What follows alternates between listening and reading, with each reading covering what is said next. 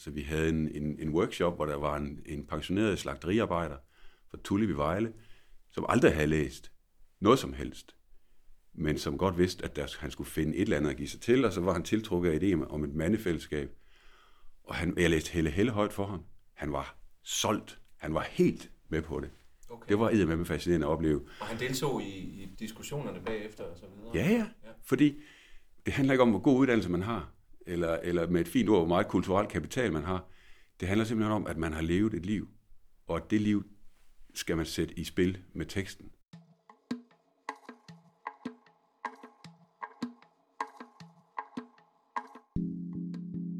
Du lytter til Ny Viden, SDU's podcast om forskning og videnskab. Min oplevelse var, at tiden ligesom bliver sat i stå, og man indgår en kontrakt om, der er ikke nogen mobiltelefoner på bordet.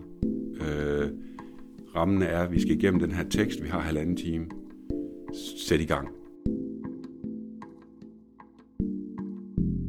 Med udgangspunkt i en tanke om, at litteraturen skal være noget, man kan dele i et fællesskab, har forskere fra to vidt forskellige vidensfelter besluttet at forene sig og undersøge sammenhængen mellem litteratur og sundhed. I denne udgave af Ny Viden skal du møde to af disse forskere. Litteraturprofessoren Peter Simonsen og sundhedsforskeren Mette Marie Christensen. Projektet hedder Læs som mand og fokuserer på en befolkningsgruppe i Danmark, der i en bred anskuelse sakker bagud på helbred, livsstil og mental velvære. Det er mænd i starten af pensionsalderen. Der findes nemlig en del mænd, der i overgangen mellem arbejdsliv og pension finder det vanskeligt at opretholde en følelse af livsmening. I Læs som mand undersøger forskerne, om højtlæsningsworkshops kan være en del af løsningen. For hvad er det for nogle mekanismer og processer, der bliver sat i gang i et fælles møde med litteraturen?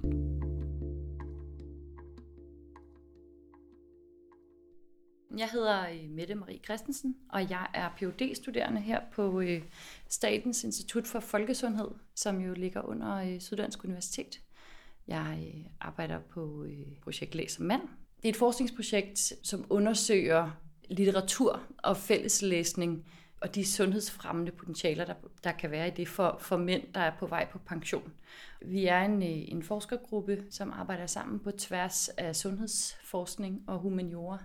Så vi prøver ligesom også at undersøge litteratur som, sådan, som mentalt sundhedsfremme fra nogle forskellige perspektiver. Altså både fra et mere litterært perspektiv, altså hvad sker der, når man, når man læser?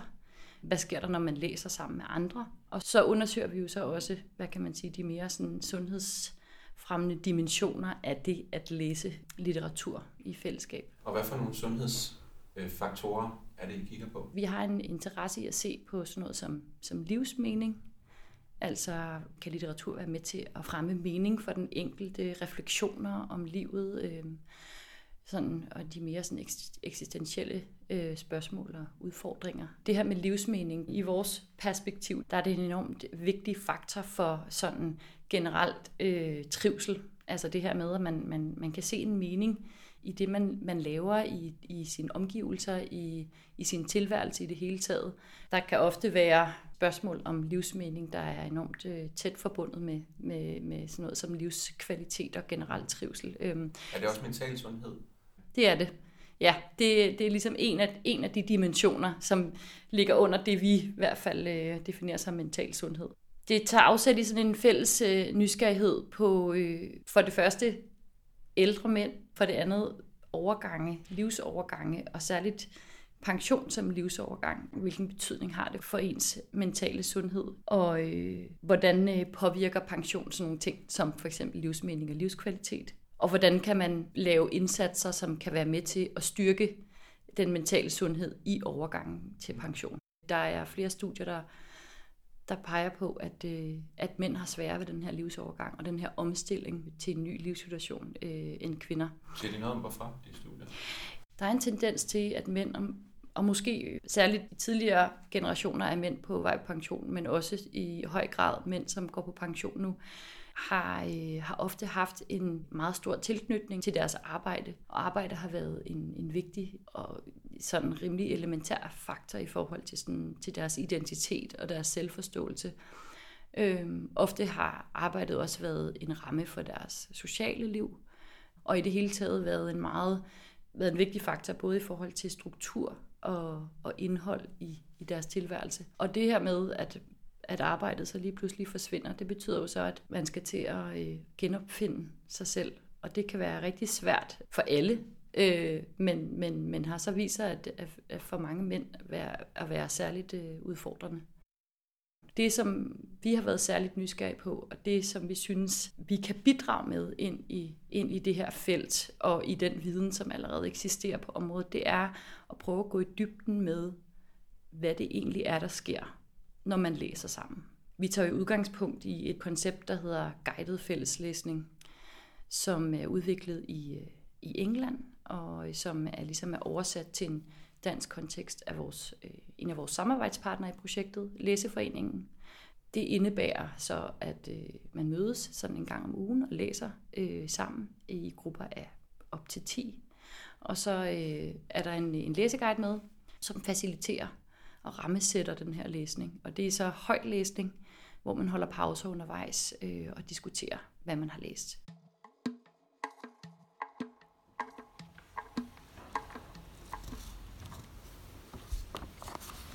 lige, lad os lige tage den en ekstra gang, så den kan falde, falde helt på plads. Faldet.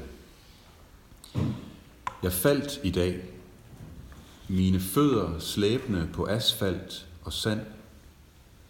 Jeg hørte det så tydeligt. Jeg tænkte, det er et nyt sprog. Jeg skal bare skrive det ned. Jeg hedder Peter Simonsen og er professor i europæisk litteratur ved Institut for Kulturvidenskaber og er en af to forskningsledere af projektet Læs som mand. Jamen Læs som mand, det er et, et, et sjældent projekt, der kombinerer litteraturvidenskabelig grundforskning med folkesundhedsforskning øh, i, i en empirisk forstand, altså hvor, hvor vi normalt i litteraturforskningen øh, læser tekster og prøver at finde ud af, hvad de betyder. Så går vi nu ud i feltet og, og, og læser dem højt med andre og finder ud af, hvad de også gør ved læseren øh, i en meget konkret forstand. Læseren som mand på, på vej på pension. Og hvordan blev du hægtet på det her projekt? Jamen, vi havde et, øh, Syddansk Universitet havde en forskningssatsning i Human Health, øh, hvor øh, vi blev bragt sammen på kryds og tværs, øh, forskere med små projekter.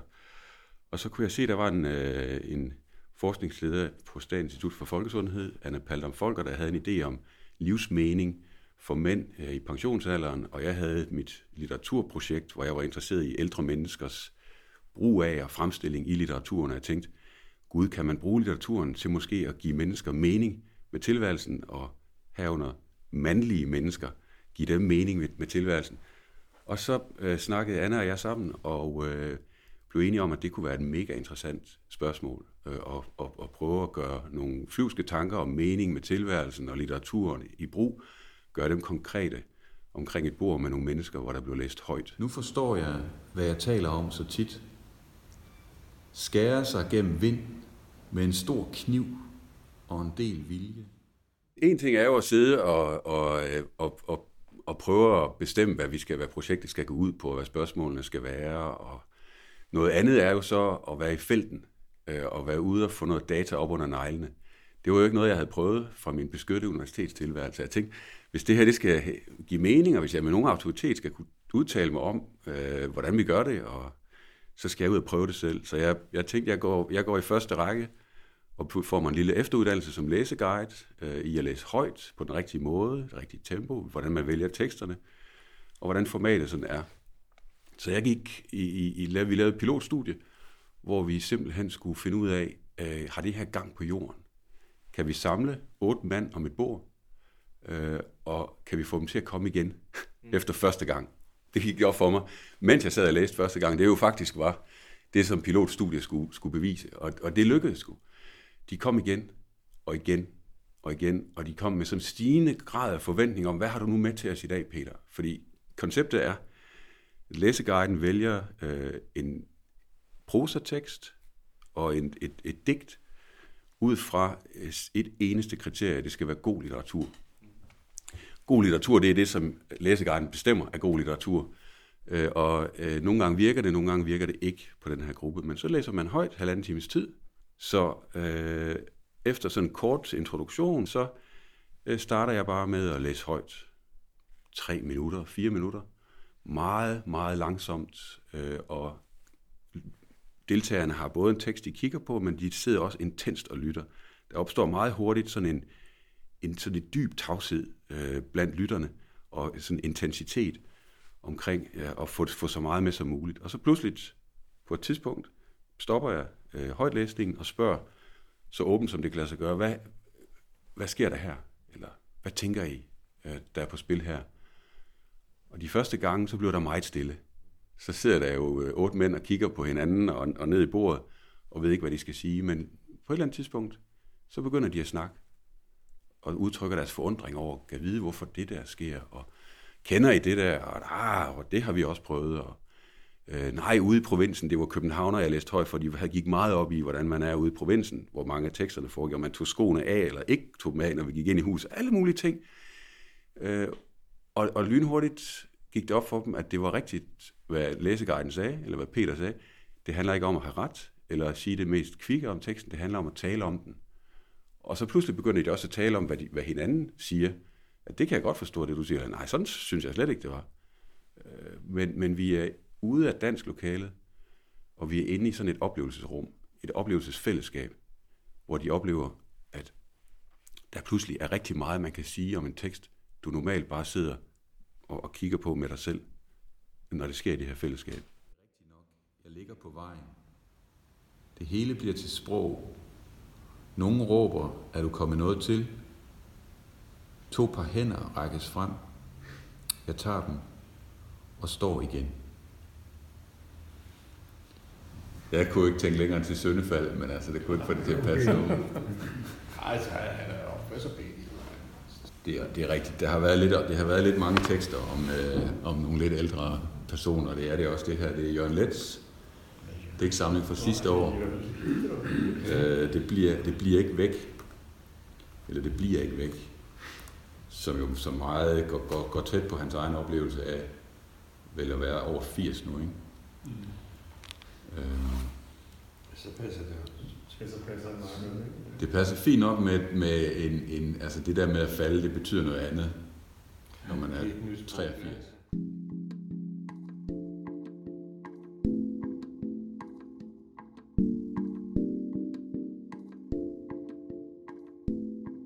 I sådan lidt bredere perspektiv, der har vi også haft en interesse i at undersøge potentialerne i kunst og kultur som sundhedsfremme og som potentielt forebyggende. Og på den måde så også sådan faktisk at udvide lidt forståelsen af, hvad, hvad sundhed er og hvad sundhed kan være. Og hvad det, er, hvad det er for nogle ting, der spiller ind i forhold til, øh, til vores, øh, vores både mentale sundhed, men også vores sundhed sådan helt generelt. Inden for de sidste øh, årtier er der lavet en masse, en del spændende forskning, der har undersøgt sammenhængende af, af det her med kunst og kultur øh, som sundhedsfremme, og som faktisk også har påvist til nogle sammenhæng. Øhm, det, det, der er vores primære interesse i, i det her projekt, det er jo litteratur som en gren af det. Der er lavet nogle studier i øh, blandt andet i, i England og i USA, øh, Australien, som har, øh, som har undersøgt, øh, hvordan øh, litteratur kan, kan, kan spille en positiv rolle i forhold til, til sundhed. Du vender tilbage til det her med mening. Mm. Hvordan er det, det relaterer sig til sundhed? Altså, det virker måske som et banalt spørgsmål, men hvordan giver det et bedre liv for et menneske? Mening er jo, en, øh, som vi ser det jo også en, en, en meget sådan grundlæggende faktor i forhold til mental sundhed. Og hvis du har svært ved at finde øh, mening i tilværelsen, hvis du har svært ved at finde ud af, hvad meningen med, med med dit liv og de ting, der sker i dit liv er, så kan det være enormt, hvad kan man sige, det kan i hvert fald have en stor indvirkning på sådan nogle ting som livskvalitet. Og er det sådan noget med bare at komme ud af sengen om morgenen, eller have motivation til at leve sundt? Altså er det også nogle ting, I kigger på? Eller er det mere meningen i sig selv, eller den mentale velvære i sig selv, der er målet? Mening er jo noget, den enkelte ligesom definerer. Øh, så vi er jo interesserede i at se på dem. Hvad er det for den enkelte, der, der kan være menings givende, meningsskabende. Øhm, hvad er det, der for den enkelte kan være med til at give den her følelse af, at øh, netop, at der er noget at stå op til om morgenen, at, øh, at man har en følelse af, at der er, øh, at ens liv hænger sammen. Vi kommer jo ikke heller ikke med sådan en definition af, hvad mening er, som vi lægger ned over øh, de her mænd på vej på pension. Så noget af det, vi er jo er interesseret i, det er jo også at forstå, hvad er livsmening, når, når man er på vej på pension eller, eller på pension. Hvad er det for nogle ting, som er med til at gøre, at man føler, at man har en meningsfuld tilværelse? Hvad er det for nogle ting, der betyder noget i hverdagen for, øh, at man kan trives og at man har det godt? Det er sådan en grundlæggende interesse, og noget af det, vi tænker er vigtigt for os at forstå, for at vi kan forstå, hvordan litteratur kan spille ind i, i forhold til, til mental sundhed i pensionisttilværelsen.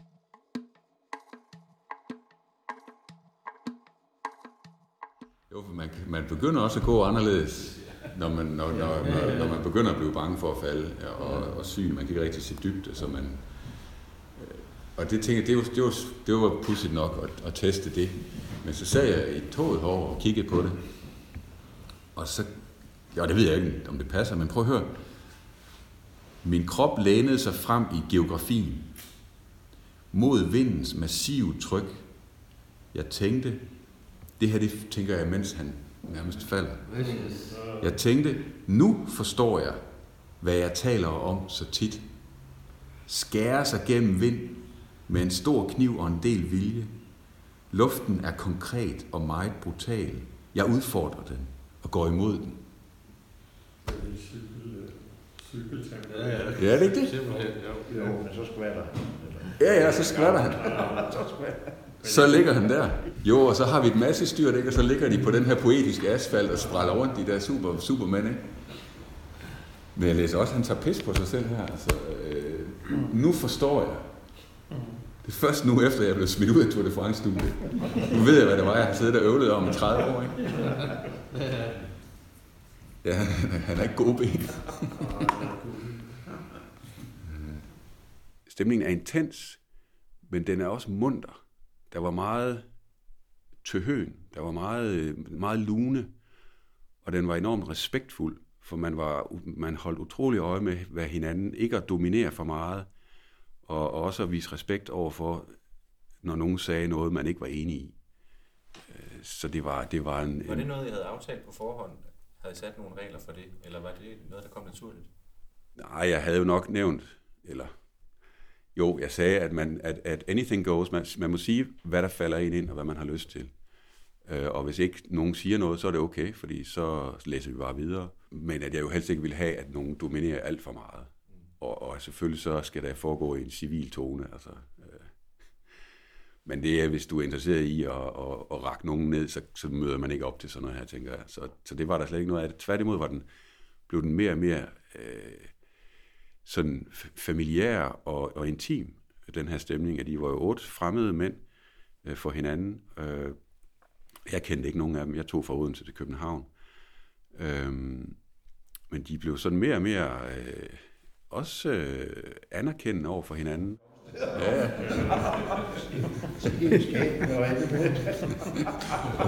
Mind, mind the gap. Det er næsten otte. Ja. ja, det er næsten otte. Øhm, men det er, jo, det, er også, det, er, det er jo altså også det smukke ved, ved det her format her.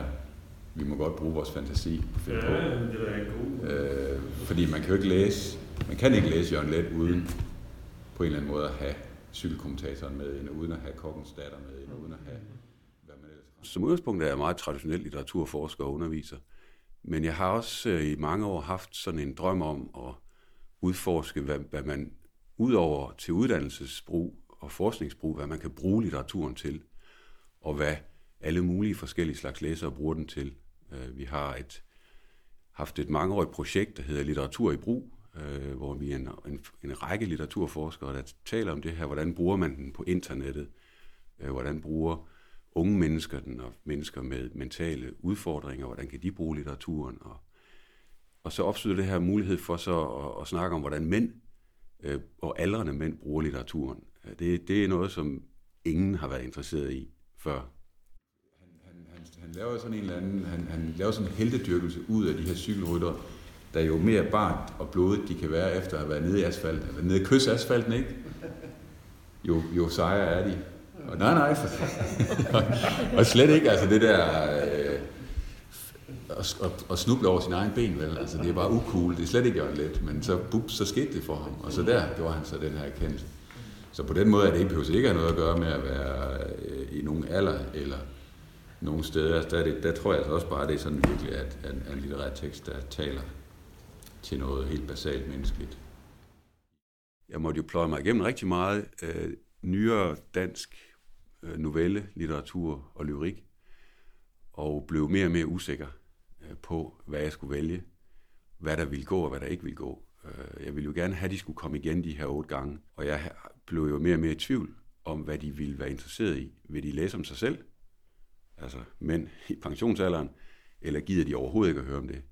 Så jeg valgte lidt af hvert. Jeg, valgte, jeg startede blødt med noget meget øh, øh afdæmpet Anders Bodelsen øh, novellelitteratur, der handlede om mænd på pension, der ligesom nyder små øh, øjeblikkes, øh, ny, har, nyder små øjeblikke med et glas rødvin eller en cykeltur, ud fra tanken om, det kunne de i hvert fald identificere sig med, og det gik fint. Men efter tredje gang, tror jeg, var der en, der sagde, og nu må det også gerne snart handle om noget andet end sådan nogle gamle affældige mænd. For han følte nok, det var kommet lidt tæt på. Og heldigvis var det den dag, jeg havde Helle Helle med. En, en kort novelle, der hedder Fasaner, øh, og, og som handler absolut ikke om øh, ældre mænd, men handler om sådan øh, indgreb i andres intimsfære, i hvilken vi også jo kunne forholde os til her, hvor vi i læsningen og fællesskabslæsningen og diskussionen af tekster er inde i tekstens eller forfatterens intimsfære, og også lidt inde i hinandens, hvor meget lukker man op for rundt om sådan en bord.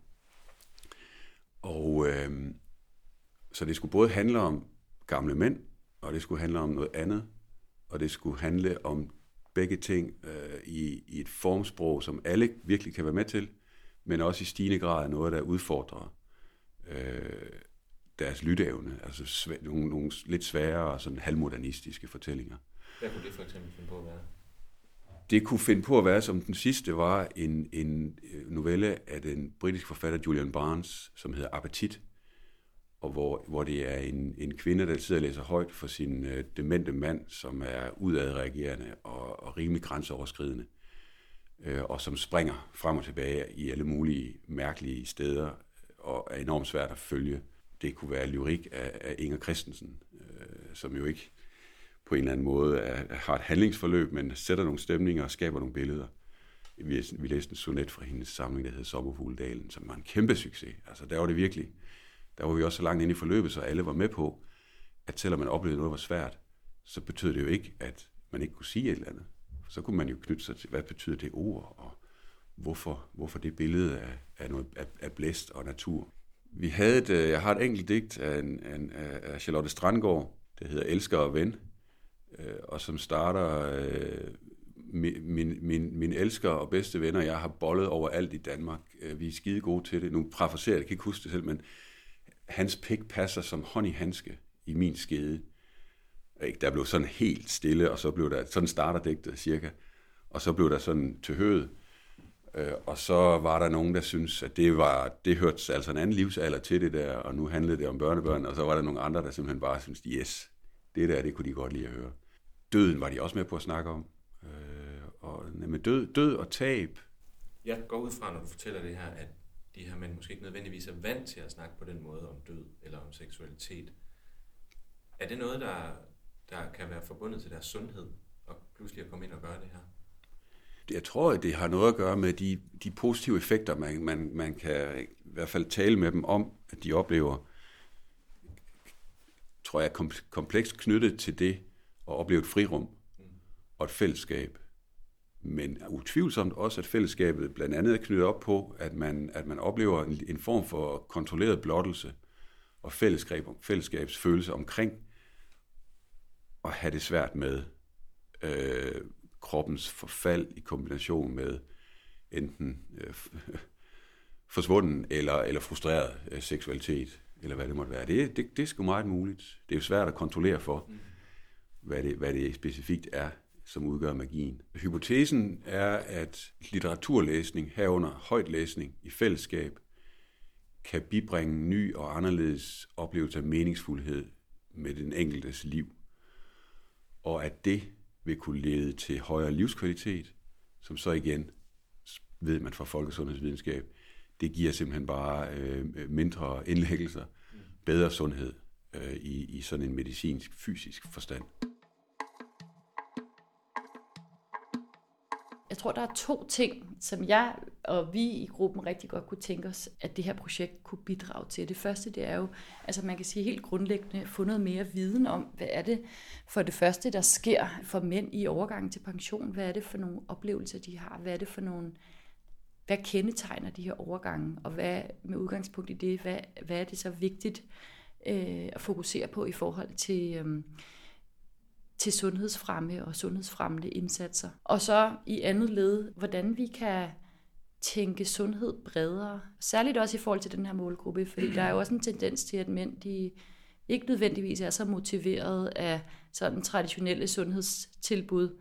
Øh, Man snakker om, at mænd er enormt dårlige til at gå til læge. Ja, lige præcis. Ja. Ikke? Altså, øh, og hvordan kan vi, hvordan, hvis, vi, hvis vi kan være bedre til at tænke sundhed bredere ind i samfundskontekster og i de omgivelser, man befinder sig i, kan vi så også finde nye måder at, øh, og, og hvad kan man sige, at arbejde med sundhedsfremme på. Øh, og der er jo det her spørgsmål om traditionelle sundhedsindsatser har jo mere fokus på sådan, altså en kost, øh, motion, øh, alkohol, rygeforbyggelse. Øh, men hvis øh, for eksempel sådan noget som kunst og kultur, som vi jo ved er noget, der påvirker den enkelte og kan have en stor indvirkning, hvis vi ligesom kan få tænkt det med ind i vores forståelse af sundhed. Øhm. Handler det om, at sundhed måske også skal handle mere om livskvalitetsforhøjelse end livsforlængelse? Det er lidt det, jeg hører imellem linjerne, synes jeg. Altså i høj grad, ja. Ja, sundhed. Altså, jeg tror, at det vi jo det også synes er enormt vigtigt at understrege, det er, at sundhed, det, det er rigtig mange ting. Det, det handler jo også om, om det gode liv, som det lange liv. Ikke? Altså, altså hvad, kvaliteten af det, af det liv, du lever.